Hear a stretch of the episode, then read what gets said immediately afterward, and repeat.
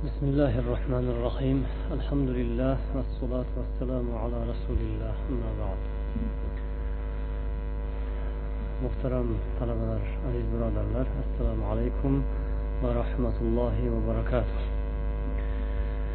الله كحمد سنة الله بلان اشبو عقيدة تخابية دان على اتكان درسنا دوام الترامس بغن شو توحيد masalasiga taalluqli bo'lgan mavzulardan yana bir muhimi.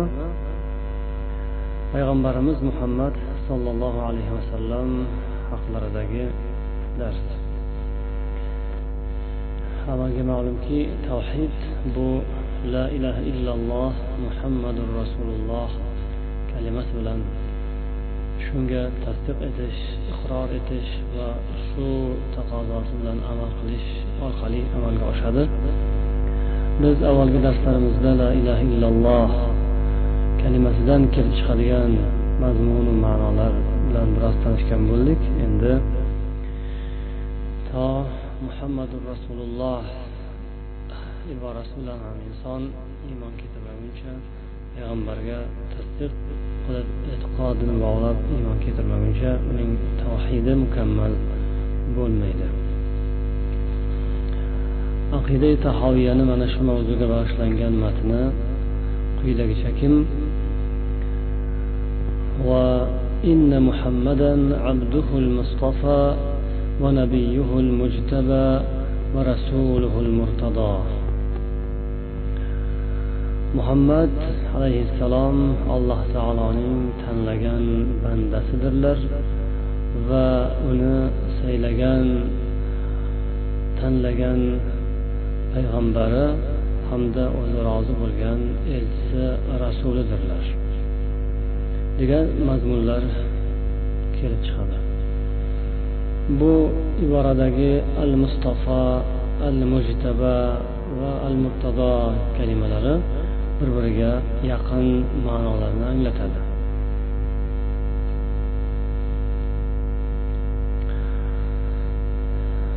Hammaga ma'lum bo'lishi kerakki mana shu iborada ham va kalmai tavhidda ham la ilaha illalloh muhammadu rasululloh yoki ashhadu an la ilaha illalloh va ashhadu anna muhammadan abduhu va rasuluhu degan kalimalarni iboralarni takrorlaganimizda e'tibor berishimiz kerak bo'ladiki payg'ambar alayhissalom haqlarida aytilgan bu tariflarning birinchisi abd kalimasidan boshlanyapti. Abd ya'ni banda qul degani. Bu iborada ham va inna muhammadan abduhul mustafa muhammad alayhissalom allohning tanlagan yaxshi ko'rgan bandasidirlar deb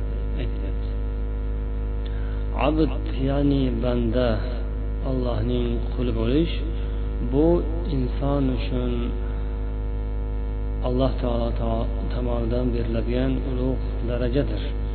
Ubudiyat ya'ni bandalikni amalga oshishi qay darajada yuksak bo'lsa bandalik insonda qay darajada ko'proq amalga oshsa o'sha insonning olloh huzuridagi maqomi martabasini yuksakligi shu bilan belgilanadi.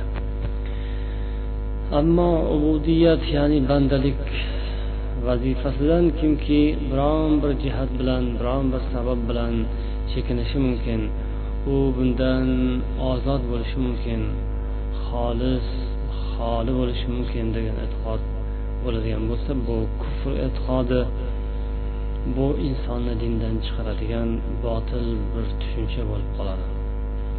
Afsuski shunday e'tiqodlar tushunchalar ba'zi bir odamlarda yo'q emas. Inson ma'lum bir darajaga yetgandan keyin bandalik undan soqit bo'ladi. Go'yoki ibodat sig'inish allohga itoat ya'ni ibodat qilish bu undan olib qo'yiladi. Bu odam xoli bo'ladi xolis bo'ladi qutuladi ibodatlar undan soqit bo'ladi degan e'tiqod bu ayni botil kufr shirk e'tiqodi. Allohning eng yaqin bandasi eng yaxshi ko'rgan bandasi hazrati muhammad alayhissalomni alloh taolo ulug'lagan o'rinlarida banda deb abd deb maqtagan. Qur'oni karimdagi ko'p oyatlarda alloh taolo bandalarini o'zi yaratgan maxluqotu mavjudotlarini maqtamoqchi bo'lsa shu abd ibad kalimalarini keltirgan. ambiyo surasida alloh taolo farishtalar haqlarida aytadiki audu billahi minash shaytonir rojim وقالوا اتخذ الرحمن ولدا سبحانه بل عباد مكرمون ular rahmon alloh taolo bola tutgan uning farzandi bolasi bor deydilar Alloh taolo bunday noloyiq sifatlardan pokiza bo'lgan zotdir. Aksincha u farishtalar alloh taoloning izzatu ikromli hurmatli ehtiromli bandalaridirlar. Deb olloh farishtalarni maqtaganda ibod kalimasini keltirgan. Yana isro surasida ham subhanallazi asra biabdihi deb o'z bandasini yarim tunda sayr qildirgan zot alloh taolo barcha aybu nuqsonlardan pokiza zotdir degan. Ya'ni payg'ambarimiz sollallohu alayhi vasallamni makkadan quddusgacha isro voqeasi sodir bo'lganda alloh taolo yarim tunda o'zi qudrati bilan sayr qildirgan. Undan keyin esa quddusdan olloh masjidil aqsodan merojga osmonu falakka bu olamdan tashqariga olloh o'zi ko'targan. Ya'ni payg'ambarimizni hayotlarida eng ulug' voqealardan biri bo'lgan mana shu hodisada shu hodisani zikr etayotgan paytda alloh va payg'ambarimizni obid kalimasi bilan ta'riflagan. Eng ulug' holatlarni abid degan ibora bilan alloh taolo birga qo'shib zikr qilgan. Yoki jin surasining o'n to'qqizinchi oyatida ham deb payg'ambarimizni allohga duo iltijoyu ibodat qilib turgan holatlarini abdulloh deb aytdi. Yana degan oyatlardan ham shu narsa ma'lum bo'ladi. Yoki baqara surasining yigirma uchinchi oyatini esga olamiz.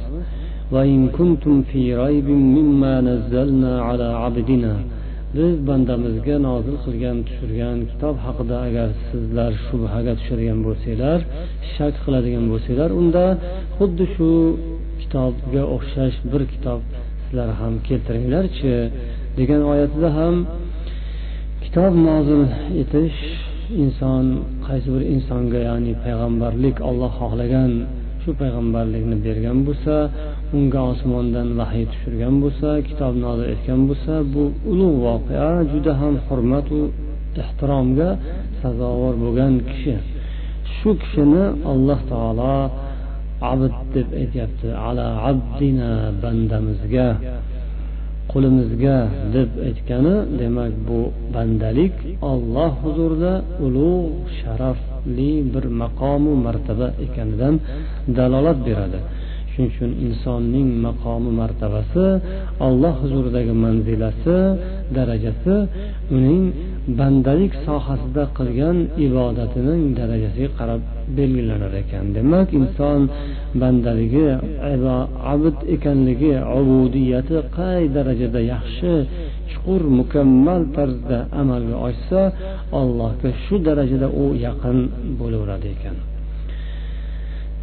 Hazrati payg'ambar alayhissalom haqlarida iso payg'ambarni aytadigan so'zlarini esga olamiz. Qiyomat kunida barcha odamlarning hollari tang bo'lib payg'ambarlar ham juda qo'rquvda turgan paytlarida butun qiyomat ahli mahshar ahli nima qilishlarini bilmasdan najot kutib turgan paytlarida har bir payg'ambarga alohida alohida murojaat qiladilar. Hazrati odamu nuhu ibrohimu muso va iso alayhissalomlarga birma bir borib insonlar murojaat qilishlari allohdan so'rab beringiz bizning haqlarimizga duo qilinglar.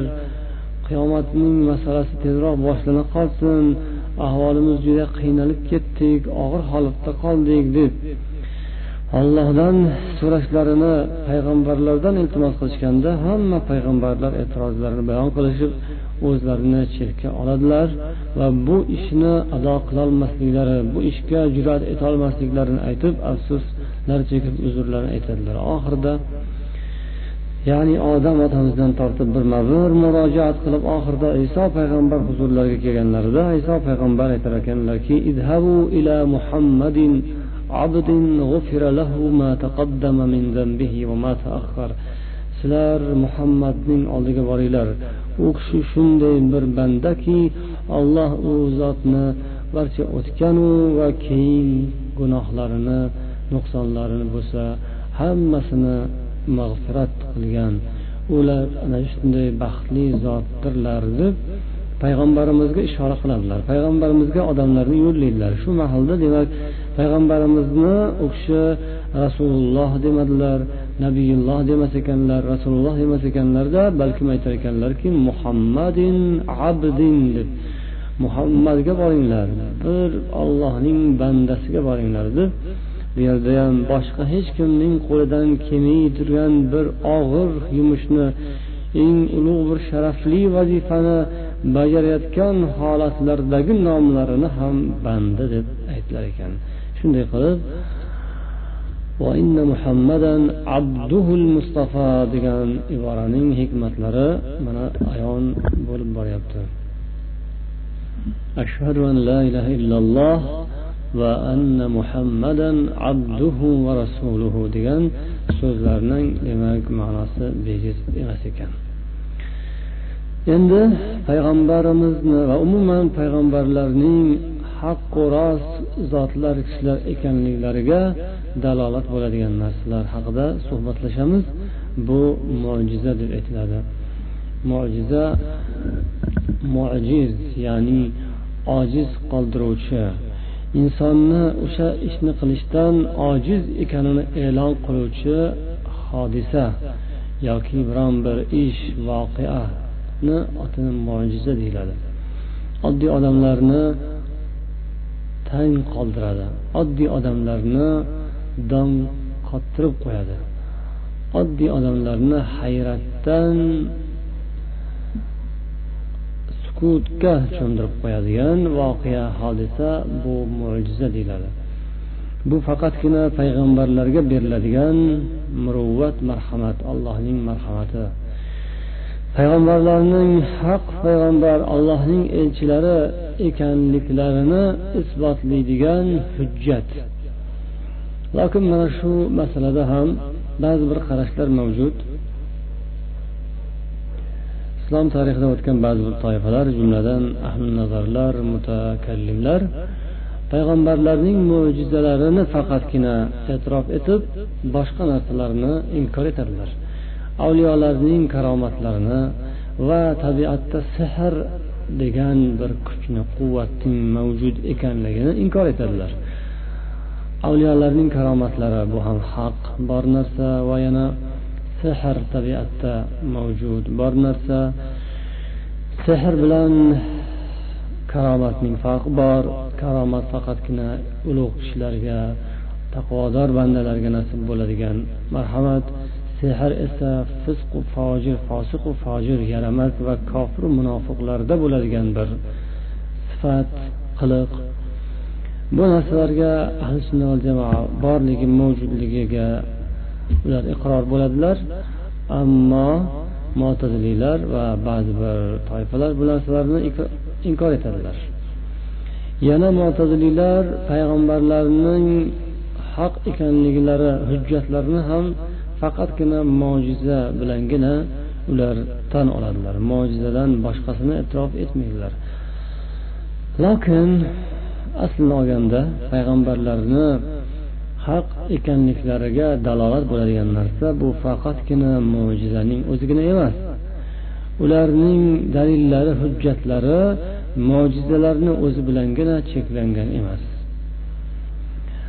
Chunki rostgo'ylik yoki yolg'onchilik bu dunyoda yonma yon davom etadigan narsa. Hali qiyomatga qadar qancha rostgo'y odamlar bilan bir qatorda qanchadan qancha yolg'onchi kazzoblar ham dunyoga kelib ketadilar. Payg'ambarimiz sollallohu alayhi vasallam mendan keyin o'ttizga yaqin o'ttiz nafar yolg'onchi payg'ambarlar keladi deb aytganlar. Rost payg'ambar bilan yolg'onchisini o'rtasini ajratib olish uchun demak ba'zi bir narsalar haqida suhbatlashish kerak bo'ladi. Payg'ambarlarning hujjatlari dalillari bor. U mo'jiza. Lokin boshqa yolg'onchi payg'ambarlar ham go'yoki aldamchilik qilib mo'jiza ko'rsatishga urinishlari mumkin. Ular odamlarni ko'zini bo'yab turli xil qiliqlar bilan odamlarga mo'jiza ko'rsatganday bo'lib ularni aldashi mumkin. Lokin bu mo'jiza emas.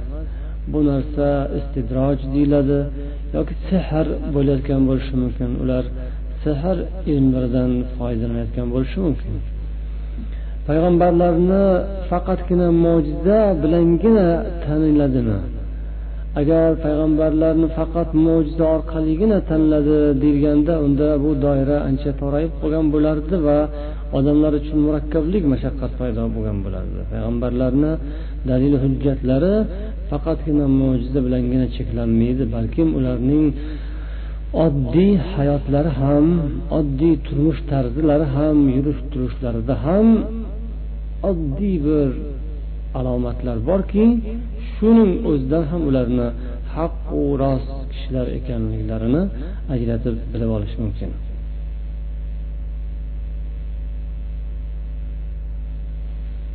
Mana shu o'rinda aytiladiki dunyoda rostgo'y odamlaru yolg'onchilar bo'ladilar lokin hech qachon.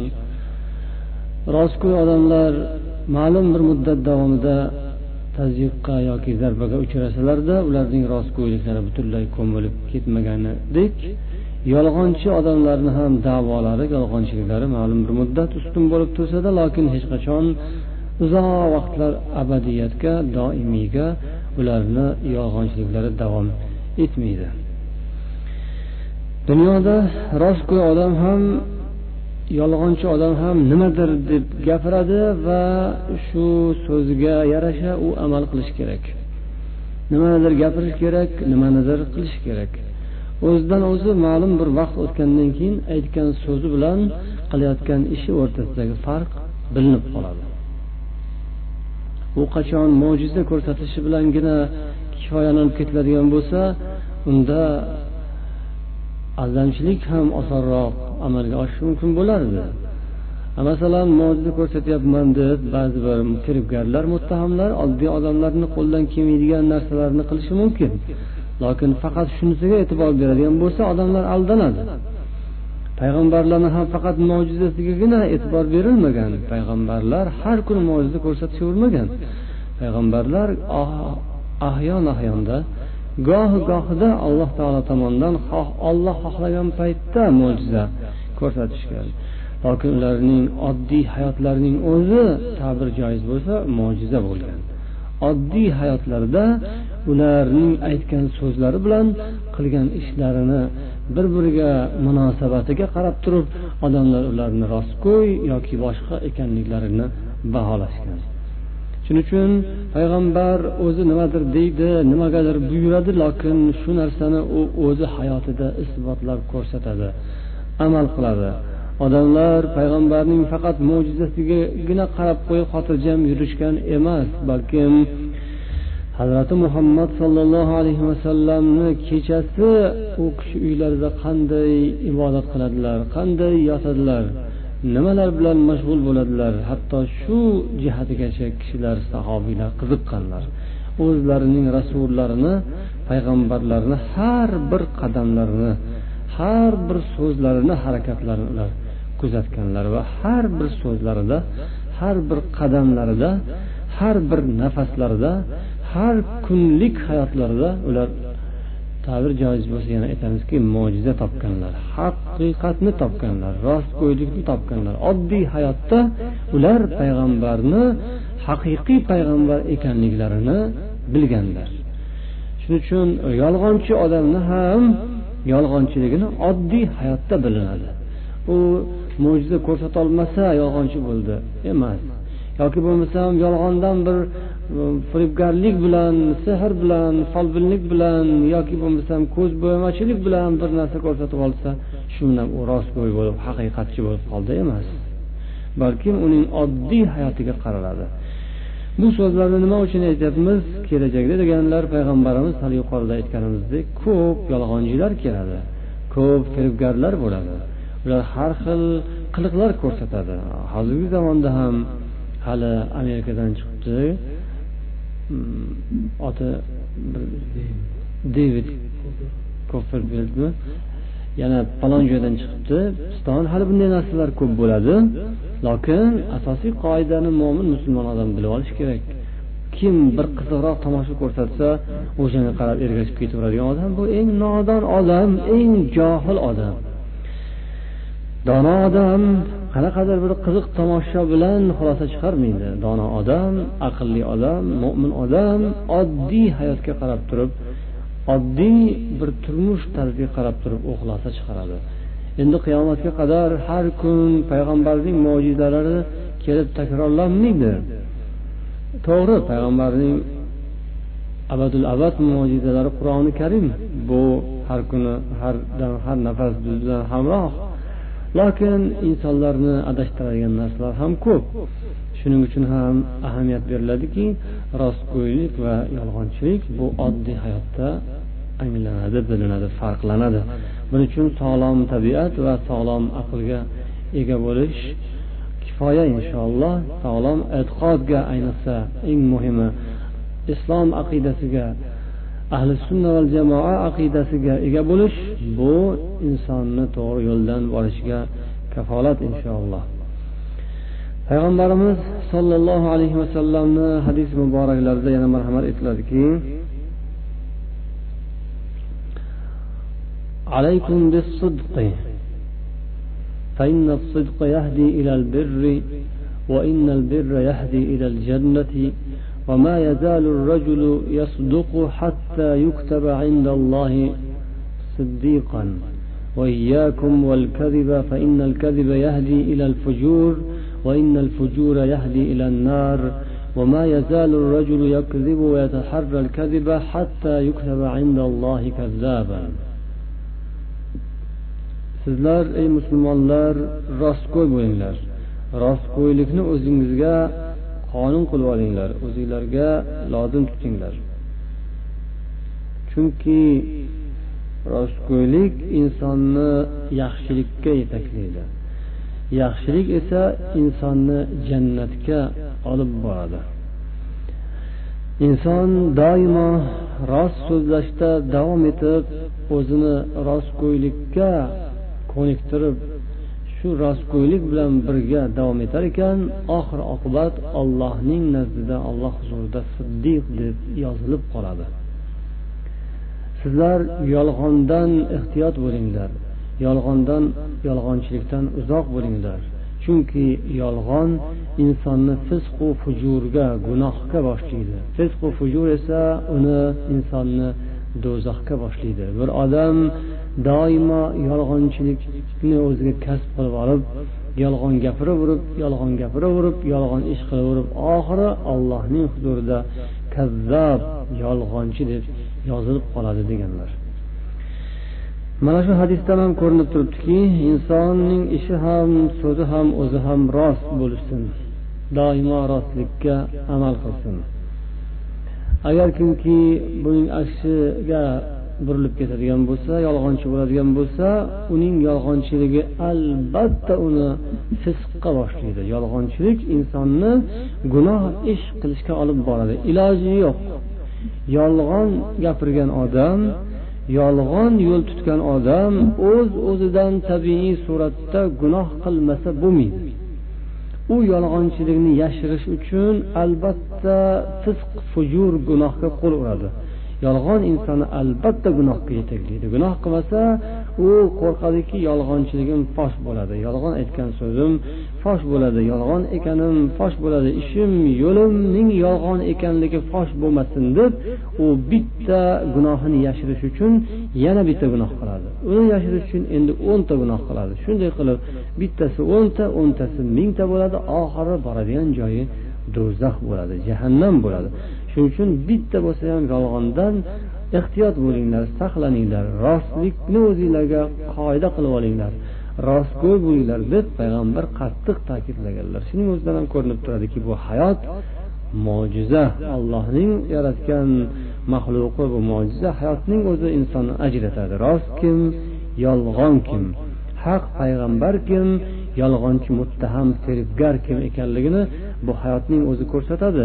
Shuning uchun bu narsa muhimligi shundaki dunyoda uchrab turadigan muttahamlar yolg'onchilarni ajratib olish aqlli odam uchun dindor odam uchun aqidasi sog'lom odam uchun qiyin emas. Odamlar shu dunyoning o'zida ham masalan oddiy kasbu hunar kasbu kor masalalarida ham bu ishlarni ancha tajribasiga egalar. Masalan birov novvoyman deydi yoki birov oshpazman deb davo qilishi mumkin. Lokin buning javobi oppa oson uni novvoyligi yoki oshpazligini bilish uchun nima qilish kerak? Nonini ko'rish kerak. Oshpazman deb davo qilayotganini bir osh qildirib ko'rish kerak. Novvoyman deganidan non olib ko'rish kerak. O'zi shu bilan ajraladi qoladi. U qachongacha yolg'ondan novvoyman deb odamlarni aldab yurardi. Qachongacha odamlarni laqillatib masalan oshpazman deb hech osh qilib bermasdan aldab yurib bo'larmidi? Yoki bo'lmasam man tabibman man doktorman vrachman deb qatgacha odamlarni laqillatib aldab boradi. Birdamas birda birovni o'ldirib qo'yadi. Birdamas birda bir kasalni o'ntaga aylantirib qo'yadi. Xullas bugun bo'lmasa ertaga u odamning yolg'onchi ekanligi kazzob ekanligi muttaham firibgar ekanligi ma'lum bo'lib qoladi. Ha bugun kecha bugun o'zini ekstrasensman deb hamma yoqqa reklama qilib ancha muncha odamlarni laqillatib yurgan bo'lsa ham lekin baribir qachondir u odam o'zini fosh qiladi. Alloh taolo bu dunyoda yolg'onni fosh qilmay iloji yo'q chunki bu narsa jamiyatni butunlay izdan chiqarib yuborishi mumkin. Ammo bu jamiyatning egasi olloh olloh o'zi boshqarib turgan ekan. Ma'lum bir muddat sinov uchun ba'zi bir firibgarlarni ham alloh taolo yo'lini ozgina ochib qo'yishi mumkin. Ammo hayot izdan chiqib ketishiga allohning o'zi yo'l qo'ymaydi. Juda ham katta zararga aylanadigan joyga yetganda uni albatta tabiiy suratda kesib qo'yadigani tabiiy suratda o'zini iziga majbur qilib tushirib qo'yadigani bo'ladi. Shuning uchun ham yolg'onchi payg'ambarlarning ishi uzoq davom etmaydi. Ilgari boshqa o'rinlarda ham aytilib o'tilgandek muttaham kishilar masalan zolim podshohlarning ishini ba'zan alloh taolo o'zaro cho'zib qo'yishi mumkinu ammo hech qachon yolg'onchi payg'ambarlarning ishini uzoq cho'zmaydi. Chunki zolim podshohlarni podshohlarni odatda ko'pincha zolim bo'lishi bu tabiiy narsa. Ammo zolim podshohlarni zulmi haddan oshsa bu ma'lum bir jihatdan foyda. Ya'ni insonlarning e'tiqodi iymoni kuchlanadi. Ibodati ko'payadi. Allohga iltijosi ko'payadi. Duosi sig'inishi ortadi. Allohga yaqinligi ortadi. Bu bir jihatdan foyda. Ammo yolg'onchi payg'ambarlarning esa hech qanday foydasi yo'q. Ular faqat zarar keltiradilar. Ular odamlarni adashtirib tashlaydilar. Katta bir ofatga ular olib boradilar. Shuning uchun ham zolim podshohning arqonini alloh taolo uzoqroq tashlab qo'ysada lokin yolg'onchi payg'ambarning arqonini uzoq tashlamaydi. U tez fosh bo'ladi. U tez sharmandasi chiqadi. Demak alloh taolo insonlarga o'zlariga yolg'on bilan rostni ajratish qobiliyatlarini va ne'matini bergan. Payg'ambarimiz sollallohu alayhi vasallamga yangi vahiy kelgan kela boshlagan paytda u kishi qo'rqib ketadilar va hazrati hadija onamizni oldilariga kelib mani o'rab qo'yinglar o'zimdan qo'rqyapman ya'ni jonim chiqib ketadimi man halok bo'laman shekilli deb juda ham qattiq bir tashvishga tushgan paytlarida hazrati hadija onamizni payg'ambarimiz alayhissalomga bergan tasalli va taskinlarini ko'pchiliklaringiz bilasizlar esga olinglar shunda hadija onamiz aytgan edilarki كلا والله لا يخزيك الله إنك لتصل وتصدق الحديث وتحمل الكل وتقري الضيف وتكسب المعدوم وتعين على نوائب الحق dedilar yo'q aslo alloh taolo sizni xor qilmaydi aslo alloh taolo sizni tashlab qo'ymaydi chunki siz doimo sizlar rahm qilasiz. Qarindosh urug'larning holidan xabardor olib ularni haqqini doimo ado etasiz va siz doimo rost so'zlaysizku siz mahrumlarga muhtojlarga doimo yordam qilasizku. Siz mehmonni ko'rsangiz unga mehmondo'stlik haqqini ado etasizku. Siz qiynalib qolgan mahrumu ma'dumlarni yo'qsillarni doimo qo'llab quvvatlaysizku haq egalarini zolimlarning zulmidan mazlumlarni doimo qutqarib yurasizku. Siz rostgo'y odamsizku siz haqiqatchi odamsizku sizni alloh taolo hech ham tashlab qo'ymaydi sizni olloh hech ham xor qilib qo'ymaydi degan so'zlari bu islomdan avvalgi so'zlar edi. Hali islom dini payg'ambar alayhissalomga kelib zohir bo'lishidan oldingi so'zlar edi. Buning ma'nosi shuki alloh taoloning dunyo bu olam koinot alloh taoloning mulki ekanmi? Alloh taolo baribir bu olamda. Haqiqat islom ma'lum bir muddatlar ko'milib u go'yoki yer yuzidan yo'qolib turgandek bo'lsada lokin uning alomatlarini belgilarini hayotning muhim belgilarini o'sha to'g'rilikka haqiqat tomonga intilib turadigan odamlarni haqiqatni izlaydigan odamlarni baribir alloh taolo dunyoda saqlaydi va o'shalar orqali islomni zohir etadi.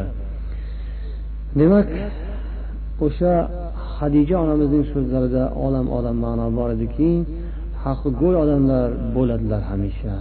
Olam hech qachon xoli qolmaydi. Nohaq odamlarni yolg'onchilarni muttahamlarni alloh taolo xo'rlashi bu bor narsa. Haq go'ylarni esa ma'lum bir muddatda mashaqqatlarga agar allohning irodasi bilan duch etilsada biron bir sinov hikmat uchun bu ham bo'ladi. Lokin butunlay yo'qotib yuborilmaydi. Butunlay yer yuzidan haqiqat rostgo'ylik haqgo'ylik yo'qolib ketishi mumkin emas. Unda dunyo kerak bo'lmaydi. Unda hayot tugaydi o'sha lahzada. Olam tamom bo'lishi kerak. Agar yer yuzida rostlik haqgo'ylik haqiqat davom etmasa bu olam ham davom etmaydi.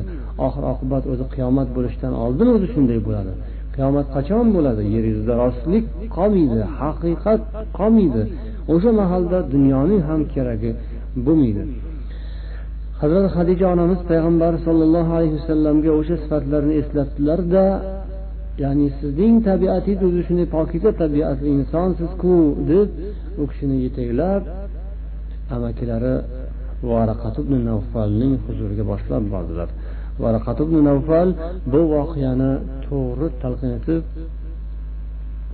senga alloh taoloning marhamati nasib bo'lib musoga kelgan jabroil nomus senga ketdi. U senga shu xabarni bergan nomus bo'ladi. Nomus ya'ni jabroil bo'ladi. Qaniydi seni xalqing qavming haydab chiqargan paytlarida men seni yoningda bo'lsam edi senga butun vujudim bilan qalbim bilan yordam bergan bo'lardim deb aytadilar. Ya'ni haqiqat rostgo'ylik o'zidan o'zi ma'lum o'zidan o'zi aniq ekanligiga e'tibor qaratilyapti xuddi shunga o'xshagan najoshiyning oldiga ham payg'ambarimiz sollallohu alayhi vasallam sahobalarini hijratga jo'natganlar. U ham payg'ambar alayhissalomning haqlarida so'rab surishtirgan paytida bo'layotgan voqea hodisalardan u xulosa chiqarib aytadiki